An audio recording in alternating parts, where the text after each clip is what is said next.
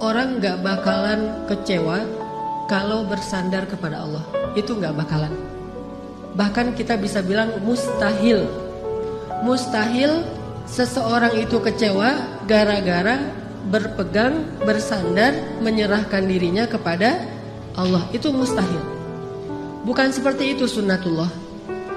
Karena siapa pun yang berserah diri kepada Allah, maka dia telah berpegang kepada tali yang paling kokoh.